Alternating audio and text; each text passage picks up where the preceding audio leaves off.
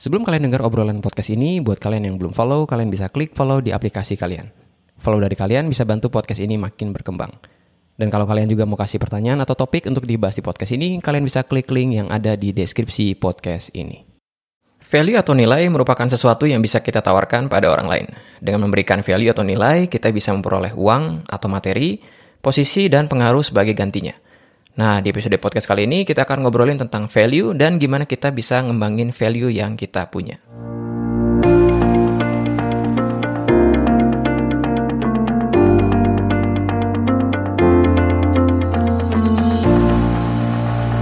Halo semua, bersama Pak Kris di sini. Kembali lagi di podcast Pak Kris. Sebelum kita masuk dalam obrolan tentang value di episode ini, gue mau kasih sedikit pengumuman uh, tentang podcast ini ya. Jadi podcast ini akan di rebranding ya. Jadi gue punya ide untuk bikin brand baru nih tentang podcast Pak ini. Apa sih branding yang baru ini ya? Jadi kalau sebelumnya podcast ini di brand sebagai podcast tentang pendidikan, karir, produktivitas, dan pengembangan diri. Sekarang gue akan rebrand podcast ini menjadi podcast tentang segala hal yang bisa bantu kalian sebagai pendengar untuk mengembangkan potensi yang kalian punya. Jadi di podcast ini kalian bisa dapetin ilmu, dapat sharing pengalaman yang bisa bantu kalian untuk mengembangkan potensi yang kalian punya. Karena setelah gue pikir-pikir dari semua episode dari awal sampai episode hari ini, khususnya di season 2, ya isinya adalah tentang pengetahuan, pengalaman, pemikiran, dan wisdom yang tema atau topik umumnya adalah tentang pengembangan diri. Tapi gue akan bahasakan pengembangan diri ini menjadi growing your potential. Karena gue punya keyakinan bahwa seseorang itu bisa hidupnya optimal, bisa jadi berkat kalau dia bisa mengembangkan potensi yang dia punya. Lalu thank you banget buat kalian yang udah follow, udah share, udah kasih komen, udah kasih apresiasi buat podcast ini. Ini berarti banget buat gue. So kalau kalian nemuin value di podcast ini, kalian bisa share sehingga orang-orang di circle kalian, khususnya di sosmed kalian, bisa denger juga podcast ini dan bisa jadi manfaat buat mereka juga. Oke, Nah, sekarang kita masuk di bahasan podcast ini ya. Jadi, gue mau bahas tentang value ya, atau nilai. Nah, apa sih yang kita tahu tentang value atau dalam bahasa Indonesia-nya disebut sebagai nilai ya. Jadi, gue coba ajak kita berpikir tentang barang dulu nih, sebelum kita ngobrolin tentang value yang kita punya sebagai manusia ya. Jadi, sebelum kita cek uh, value yang kita punya, coba gue ajak kalian buat mikir tentang barang dulu ya. Nah, kita bisa anggap kalau barang itu punya value dalam pengalaman sehari-hari mungkin ya. Kalau barang itu pertama berguna atau bermanfaat buat kita. Yang kedua, berharga buat kita. Yang ketiga, kalau barang itu dijual, harganya kemungkinan bisa mahal. Dan yang keempat, punya nilai historis atau punya nilai sentimental. Paham ya? Nah, coba pikir ya, mungkin barang yang kalian anggap punya nilai atau value di hidup kalian, setidaknya masuk dalam kriteria ini. Ber dia berguna atau bermanfaat buat kalian, berharga, kalau dijual harganya bisa mahal, dan punya nilai historis atau sentimen tersendiri buat diri kalian. Nah, kalau kita bawa konsep ini ke orang atau manusia, khususnya kita, gue bukan bilang barang itu manusia ya, tapi uh, gue coba analogin aja seperti barang gitu ya. Kita bisa lihat value seseorang itu juga dengan cara yang mirip seperti barang tadi. Maksud gue begini ya, orang itu punya value, jadi kita bisa nganggap orang itu punya value atau kita punya value. Kalau satu, orang itu atau kita itu bermanfaat buat orang lain. Jadi kita bisa tahu value seseorang kalau dia punya manfaat buat kita, buat punya manfaat buat komunitas yang kita punya atau yang dia ikutin. Yang kedua, kalau dia kerja atau menghasilkan karya, kerja atau karyanya itu bisa punya nilai komersil atau materi. Jadi bisa ditukar dengan uang, materi, posisi, dan juga pengaruh. Ya, kemudian yang ketiga, somehow uh, orang yang punya value itu bisa kasih uh, kita suatu memori atau yang pengalaman yang kayaknya kena banget di hati kita. Betul kan? Nah, coba pikirin orang yang menurut kalian valuable dalam hidup kalian setidaknya punya tiga kriteria itu. Ya, salah satu, salah dua, atau tiga-tiganya. Dia bermanfaat, kalau dia kerja menghasilkan karya, kerja atau karyanya itu bisa punya nilai komersil dan bisa berguna buat kalian. Sama yang ketiga, ya kalian bisa punya satu memori yang eh, berkesan banget sama orang itu, ya kan? Nah, sebaliknya, uh, lawan dari orang punya value, menurut gue adalah orang itu jadi beban atau jadi liabilitas dalam bahasa lebih ekonomi ya. Beban atau liabilitas. Nah kita cek nih ya, seseorang itu jadi beban atau liabilitas kalau ya kebalikan dari yang tadi. Pertama, dia nggak bermanfaat buat orang lain ya, nggak bermanfaat buat kita. Yang kedua, kalau dia kerja nggak ada kontribusinya, malah bikin jadi ribet atau malah bikin jadi susah gitu kan. Uh, jangankan ngomong soal nilai komersil, untuk hal-hal yang simpel aja mungkin dia jadi beban buat kita. Yang ketiga, uh, kita punya pengalaman kerja atau berurusan dengan orang itu malah kasih memori buruk ya. Mungkin kalian pernah mikirin hmm, beberapa orang yang jadi beban atau liabilitas buat kalian. Sama sekali nggak ada value-nya ya. Dan gue berharap kalian bukan ada di situ ya. Jadi kurang lebih gitu ya, kalau gue bisa bedain orang yang punya value dan yang enggak, atau orang yang jadi beban. Nah, kalau kita ditanya, kita ini mau jadi orang yang kayak apa sih? Tentu kita jawab ya, pengen dong jadi orang yang punya value. Sama kayak waktu kita kecil, kita diajarin untuk jadi punya manfaat buat orang lain. Jadi orang yang punya manfaat, pekerjaannya juga bisa jadi blessing buat orang lain. Gitu kan. Jadi kita pengen jadi orang yang punya value, kehadiran kita dirindukan, bukan malah dihindari. Dan kerja atau karya kita bisa punya nilai komersil. Dan nilai komersil itu ya bisa kita pakai buat menghidupi diri kita dan keluarga kita. Gitu ya. Lalu kita bisa tukar juga ya dengan materi kayak uang, posisi, dan pengaruh. Nah, pertanyaan selanjutnya, gimana sih kita tahu kita ini punya value atau enggak ya? Jadi um, kadang gue kalau di webinar, gue ngomongin soal value kayak gini, terus gue tanya sama anak sekolah tuh, biasanya anak SD, SMP, atau SMA, ya anak kuliah juga bisa, atau bahkan kalian di tempat kerja juga bisa, kalau ada yang dengerin ini, uh, udah kerja ya, gitu. Jadi di webinar itu gue bilang gini, kalau mau tahu kita ini punya value atau enggak, sebenarnya gampang. Jadi gue coba berikan suatu hypothetical kejadian ya, atau ya anggap aja kejadian yang mungkin pernah dialami oleh mereka juga nih di ya para peserta webinar gue gitu kan.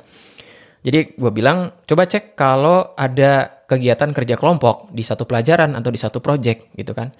Lalu skenario kayak gini, gurunya bikin kelompoknya itu secara acak. Kemudian keluar nama kamu gitu kan. Kamu itu artinya orang-orang yang uh, ada di webinar gue kan. Coba kalau keluar nama kamu ketika dibikin dalam suatu kelompok, lihat ekspresi dari teman-teman sekelompok lu, gue bilang gitu kan. Jadi ya kalau nama lu keluar, coba lihat ekspresi dari teman-teman sekelompok lu.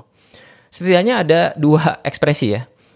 Yang pertama adalah ekspresi bersyukur. Jadi mungkin teman sekelompok lu sampai senang, sumringah gitu kan. Kemudian dalam hati dan pikirannya mereka pikir, syukur banget ya gue dapet dia gitu kan. Kalau misalnya nama gue keluar, oh syukur banget gue dapet Chris misalnya kan. Dia bisa presentasi, dia bisa diandelin, kerjanya juga rajin, nilainya juga oke. Okay. Atau yang sebaliknya, mereka merasa bahwa kayak dapat kutuk gitu kan begitu keluar nama kita ya misalnya keluar nama Chris gitu kan kemudian gue punya satu histori yang gak baik gue orangnya benalu gitu kan kalau kerja kelompok ya lu kerjanya gue kelompoknya Lalu kita bisa lihat ekspresi mereka mungkin gak seneng. Mereka merasa bahwa mereka tuh dapat beban. Nah, jadi itu aja cara ngetesnya kan. Apakah kehadiran kita dirindukan?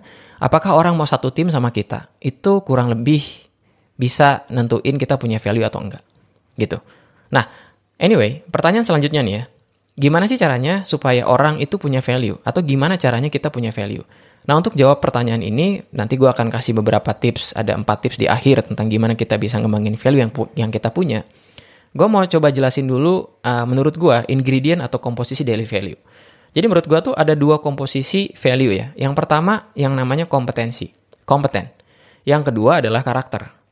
Nah, apa sih bedanya dari dua ini ya? Gue coba jelasin dan semoga kalian bisa dapetin dengan bahasa yang sederhana ini. Jadi kompetensi itu adalah tentang seberapa banyak pengetahuan yang kita punya pengetahuan. Yang kedua, sebagus apa skill yang bisa kita lakukan atau kita tunjukkan. Ya. Dan yang ketiga, sebanyak apa pengalaman yang kita punya. Itu jadi suatu kompetensi. Nah, gue nambahin satu lagi nih ya. Dan kalau ketiga itu udah dapat, pengetahuan, skill, sama pengalaman, kita itu jadi somehow punya wisdom atau suatu kebijaksanaan gitu loh. ya. Nah, wisdom inilah yang kalau kita lihat dari seseorang, kita bisa anggap dia sebagai expert di bidangnya. Nah itu tentang kompetensi ya. Dan by the way, empat hal ini, pengetahuan, skill, pengalaman, dan wisdom, itu sempat gue share di microblog gue di @christianfredina yang uh, biasa ada di hari Senin. Dan kemarin baru gue share tentang kenapa sih nggak boleh nyontek. Karena ya gue coba bikin model tentang yang gue namain building blocks of education itu ada empat pengetahuan, skill, pengalaman, dan wisdom ya. Kapan-kapan gue akan bahas di podcast ya. Tapi sementara kalian bisa cek di Instagram yang muncul tiap hari Kamis, eh tiap hari Senin. Dan di situ gue sempat dua kali bahas soal empat hal ini. Oke, okay, so anyway, sekarang kita masuk ke tentang karakter ya. Nah karakter itu ngomongin tentang inner quality seseorang. Misalnya kita tahu karakter seseorang kayak rendah hati, pemaaf, ya kan, ramah, pantang menyerah, dan sebagainya, sopan gitu kan. Nah tentang karakter ini gue pernah bahas di dua episode yang lalu kan. Seketika gue bahas tentang keberagaman. Jadi di episode itu gue bilang bahwa karakter itu nggak bisa cuma dipelajari, tapi mesti dilatih. Kita mesti terjun dan ketemu dengan orang-orangnya, gitu kan. Dan waktu itu gue bahas tentang yang namanya keberagaman. Jadi gue bahas gimana gue dari SD swasta ke SMP dan SMA negeri dan gue belajar tentang karakter toleransi, gitu kan, karakter apresiasi orang walaupun orang itu berbeda. Ya, nah by the way tentang keberagaman, gue mau share sedikit sebelum kita lanjutin bahas tentang value. Itu ada satu cerpen yang gue baca minggu lalu dan bahas juga tentang keberagaman ya. Judulnya Dunia Tanpa Keberagaman. Nah, e, cerpen ini ditulis oleh satu akun Instagram yang namanya @redrubahmerah. Jadi @red underscore rubah merah. Gue bakal kasih tepatnya gimana cara nulisnya di show notes atau di deskripsi dari podcast ini. Nah, gue baca cerpennya bagus. Kalau nggak salah cuma 9 halaman. Lalu spasinya juga satu setengah kalau nggak salah. Kemudian gue baca dan kalau gue hitung ada dua plot twist yang gue sama sekali nggak ngira ceritanya bakal kayak gitu ya. Jadi ceritanya tentang keberagaman. Nah kalau kalian mau mau baca itu boleh klik link yang ada di deskripsi atau show notes di podcast ini ya. Nah itu gue mau sharing dikit tentang satu cerpen yang gue baca tentang keberagaman ya. Oke sekarang kita balik lagi ke value kan. Jadi kita udah tahu nih bahwa value itu terdiri dari kompetensi dan karakter. Nah bedanya antara kompetensi dan karakter itu menurut gue seperti ini kompetensi itu kelihatan dari pengetahuan seseorang, ya kan? Jadi kalau kita ngobrol sama orang, kita tahu bahwa ah oh, orang ini punya kompetensi nih. Dari apa pengetahuannya? Cara dia ngomong, cara dia menjelaskan sesuatu. Yang kedua, kita bisa tahu orang itu punya kompetensi kalau kita lihat skillnya, ya kan? Kalau kita mau lihat orang ini punya kompetensi buat ngomong di depan. Jadi ya kita lihat skill public speakingnya gimana, ya kan? Kita coba di hadapan kita dia ngomong gitu kan, bawain webinar atau bawain workshop, gitu, ya. Jadi Pertama, kelihatan dari pengetahuan, yang kedua kelihatan dari skill, sama yang ketiga yang paling ultimate, menurut gue itu terlihat dari cara kerja seseorang dan hasil karyanya, ya. Jadi cara kerjanya gimana? Apakah dia orangnya disiplin, ya kan? Kemudian apakah hasil karyanya ini bisa jadi value buat kita atau enggak? Kalau itu dijual atau kalau itu dipakai sama orang, jasanya misalnya, apakah itu bisa jadi satu value buat orang dan orang rela buat bayar mahal orang itu? Karena kompetensi yang dia punya, ya. Jadi gampang kalau kita mau cek kompetensi seseorang ya kan, kasih aja orang itu tes, ya nggak? Tapi kalau karakter itu agak susah teman-teman, itu nggak kelihatan. Dan perlu waktu untuk kita bisa judge karakter seseorang. Bener nggak? Mungkin punya teman-teman punya satu pengalaman di mana kompetensi seseorang oke, okay, orangnya baik gitu kan, kelihatannya awalnya baik, kemudian terlihat jujur, kemudian kompetensinya oke, okay, tapi pada saat kita deal dengan dia dalam waktu yang lama, ternyata karakternya nggak baik, ya kan?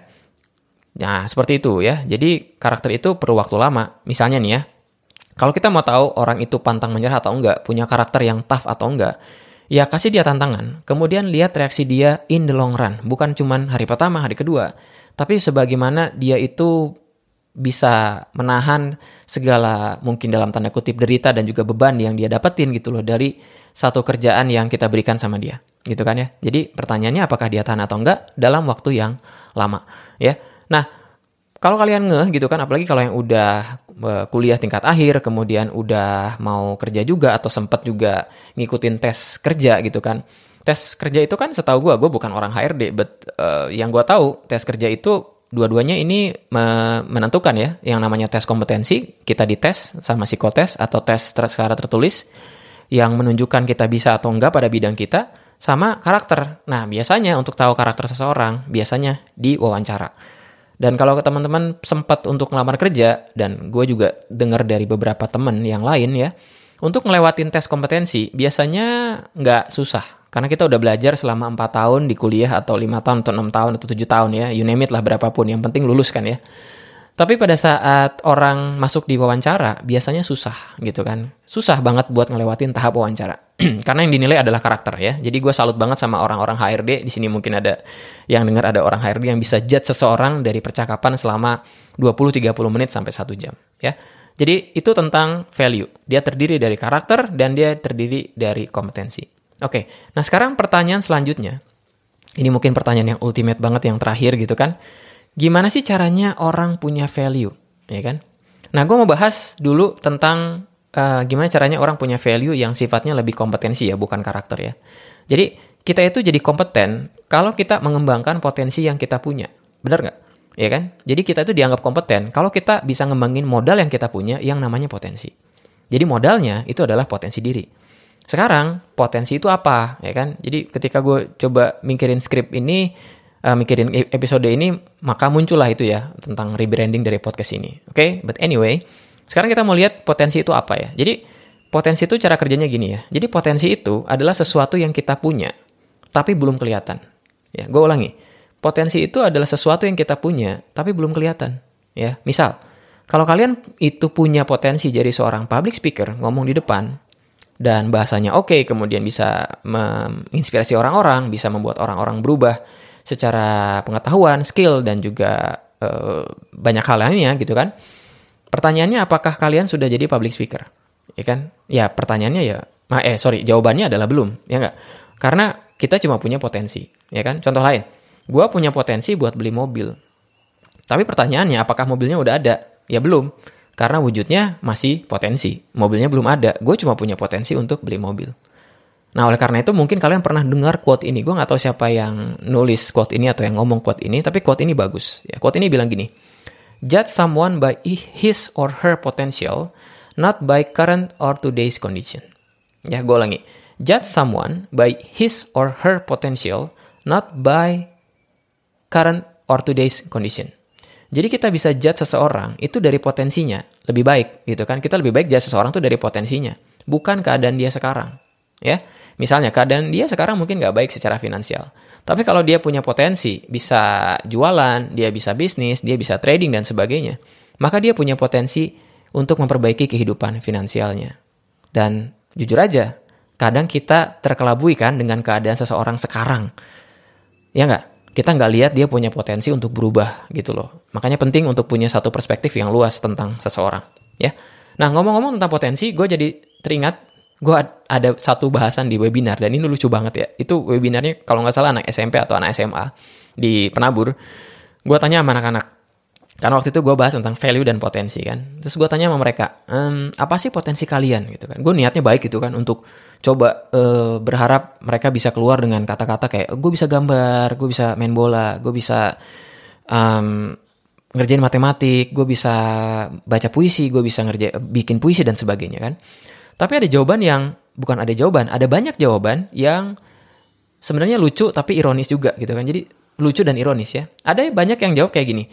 Kak, potensi gue atau Pak potensi gue itu adalah tiga hal pak. Makan, main, sama tidur makan, main, sama tidur. Begitu ada yang jawab kayak gitu, itu ketawa semua anak-anak gitu kan. Jadi somehow mereka ngelihat potensi dan talenta mereka dari ketiga kegiatan itu. Makan, main, sama tidur. Terus gue bingung mau jawab apa, tapi akhirnya gue punya ide dan keluar dengan suatu uh, idea tentang potensi ini. Lalu gue jawab gini ya, makan, main, dan tidur itu bisa jadi value buat seseorang, ya, atau bisa dikategorikan sebagai potensi dari seseorang kalau itu berguna bagi orang lain. Jadi syarat orang punya potensi, ya orang bisa mengategorikan itu potensi atau bukan, orang bisa tahu itu valuable atau enggak, kalau itu berguna buat orang lain. Nah terus gue kasih contoh kan, mungkin mereka bingung gitu kan, gimana caranya makan bisa jadi value buat orang, ya kan? Terus gue kasih contoh, almarhum Pak Bondan, yang ada di acara Magnus ya. Ini buat kalian yang angkatan mungkin kelahiran 90-an gitu kan, mungkin 2000-an juga mungkin tahu ya bahwa Pak Bondan ini adalah orang yang uh, bisa dibilang artis kuliner ya. Dan gue belum nemuin orang yang sekeren dia lah ya. Dan kalau kalian lihat di YouTube, dia selalu punya kata-kata punya kata yang khas banget gitu kan, yaitu Magnus gitu kan ya. Terus gue cerita soal Pak Bondan ini. Gue bilang, Pak Bondan ini dengan dia makan, dia bisa kasih value buat orang. Terus gue kasih contoh lagi kan, kalau kita makan di restoran, kita tuh bayar sama orang yang punya restoran, bener gak? Kita bayar ke kasir kan, kalau kita makan sesuatu. Pak Bondan dia makan dia dibayar sama orang, dibayar sama sponsor, bahkan dibayar atau di atau restorannya itu minta endorse sama dia buat nge-review makanannya. Jadi itu totally different dan gue bisa lihat seorang Pak Bondan ini punya value dalam hal uh, makan gitu kan. Ya, terus kita lihat lagi tidur ya. Gimana orang punya value tidur ya? Gue jadi keinget satu artikel, kalau nggak salah sekitar minggu lalu. Itu NASA sekarang lagi nyari orang yang bersedia untuk rebahan, untuk tidur selama dua bulan dan dibayar 270 270 juta rupiah. Lu bisa bayangin gak? Orang dibayar buat rebahan. Kita rebahan ya udah rebahan kan ya. Dan kalau kita rebahan dan itu nggak menghasilkan uang dan nggak menghasilkan suatu nilai ekonomi, menurut gue itu bukan potensi atau value. Ya, jadi kalau kalian bisa rebahan dua bulan, ya lu cobain aja rebahan dua bulan ya. Gue kayaknya rebahan sekitar dua jam, tiga jam ke di luar dari tidur malam, kayaknya nggak tahan juga untuk bisa bangun dan kayaknya itu punggung gue bakal sangat sakit gitu kan kalau terlalu banyak rebahan atau terlalu banyak tiduran. Di luar dari tidur malam maksud gue kan. Jadi itu di mana orang tuh bisa tidur dan punya uh, value buat orang lain. Itu bisa dibilang sebagai value atau potensi. Yang ketiga, main. Ada yang bilang, gue talenta saya main main game pak. Valorant lah, PUBG lah, you name it, anything, Dota lah atau apa pun ya kan. Terus gue bilang, gue tanya sama anak itu kan, lu kamu menganggap bahwa main itu adalah talenta atau potensi? Iya pak, dan saya sangat jago. Lalu saya tanya, apakah kamu bisa main, kemudian bisa menghasilkan suatu nilai komersil, uang, kamu dapat sponsor dan sebagainya. Lalu saya tanya, are you a pro gamer? Bukan programmer ya, tapi are you a pro gamer? Terus dia bilang, enggak, I play for fun. Lalu saya bilang, that's not your potential. Jadi menurut saya itu bukan potensi dan bukan value. Karena lu cuma main for fun. Untuk diri lu sendiri, bukan buat orang lain. Bahkan mungkin nyebelin buat orang tuamu ketika kamu terlalu banyak main dan tidak belajar. Ya, jadi paham ya bedanya antara potensi dan value, dan potensi value dan juga kegiatan yang sebenarnya bukan potensi dan value. Karena syaratnya adalah apakah itu berguna buat orang atau enggak. Ya, jadi sampai sini gue coba kasih recap dulu sama kalian ya. Pertama, value. Value itu bermanfaat, berharga, punya nilai ekonomi dan pengaruh dan punya dan bisa kasih memori yang baik buat kita. Yang kedua, value itu terdiri dari kompetensi dan karakter. Kompetensi itu bicara skill yang bisa terlihat, sementara karakter butuh waktu untuk judge karakter seseorang. Yang ketiga, value berasal dari potensi yang dikembangkan. Dan nggak semua bisa dikategorikan sebagai potensi atau talent, ya kan, atau value. Oke, okay? so Udah 21 menit gue pengen uh, podcast ini cukup simple buat kalian. Kalian bisa dengerin ketika kalian olahraga atau dengerin ketika kalian lagi jalan ke sekolah atau ke kampus atau ke mana pun ya. Jadi rasanya caranya untuk kita bisa jadi value buat orang itu akan gue simpan buat episode minggu depan. Dan episode minggu depan itu bicara soal gimana caranya kita bisa jadi value buat orang atau gimana caranya kita bisa ngembangin value yang kita punya. Oke? Okay?